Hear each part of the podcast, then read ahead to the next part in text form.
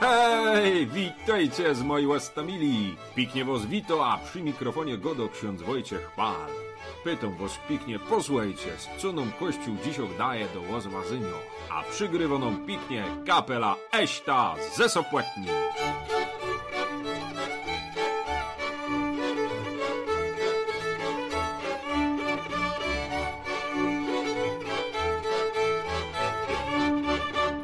Dzisiaj moi łastamili na tą 27 niedzielę poczytamy sobie Ewangelio od świętego Łukosa za 17 rozdziału, potem zaś będzie gotka o tym, jako jeden partyzon drugiemu radził, no i na koniec ty z mojego zwazania. Pięknie was zaproszą do Ewangelii, posłuchajmy się.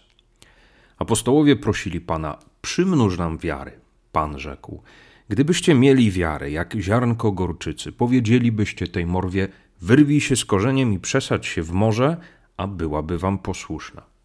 Kto z was, mając sługę, który orze lub pasie, powie mu, gdy on wróci z pola, pójdź zaraz i siądź do stołu? Czy nie powie mu raczej, przygotuj mi wieczerze, przepasz się i usługuj mi, aż zjem i napiję się, a potem ty będziesz jadł i pił?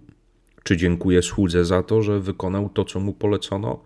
Tak mówcie i wy, gdy uczynicie wszystko, co wam polecono. Słudzy nieużyteczni jesteśmy. Wykonaliśmy to, co powinniśmy wykonać.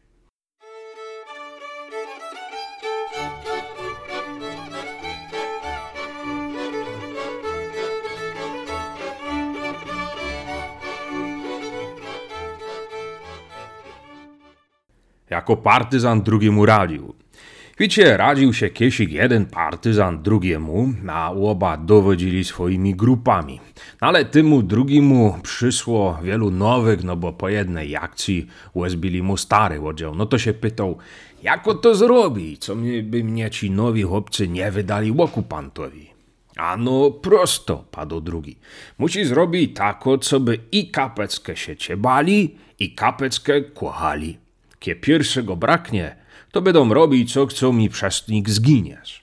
A kie drugiego braknie, to cię zdradzą albo ostawią przy pierwszej okazji.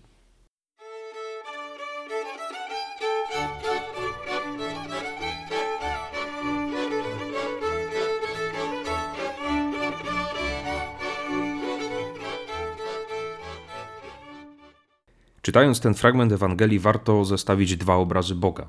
Z jednej strony nazywamy go przyjacielem, z drugiej strony, o czym przypomina dzisiejszy fragment, jest on też Panem, a my sługami.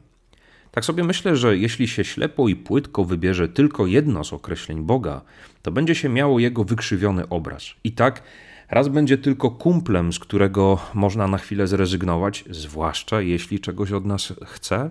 Innym razem Bóg będzie srogim i wymagającym rządcą, którego nie da się pokochać. A tymczasem w dzisiejszej Ewangelii Pan Jezus pokazuje, że wiara to jest i siła płynąca od wielkiego przyjaciela, i posłuszeństwo Panu, który często wie lepiej niż ja.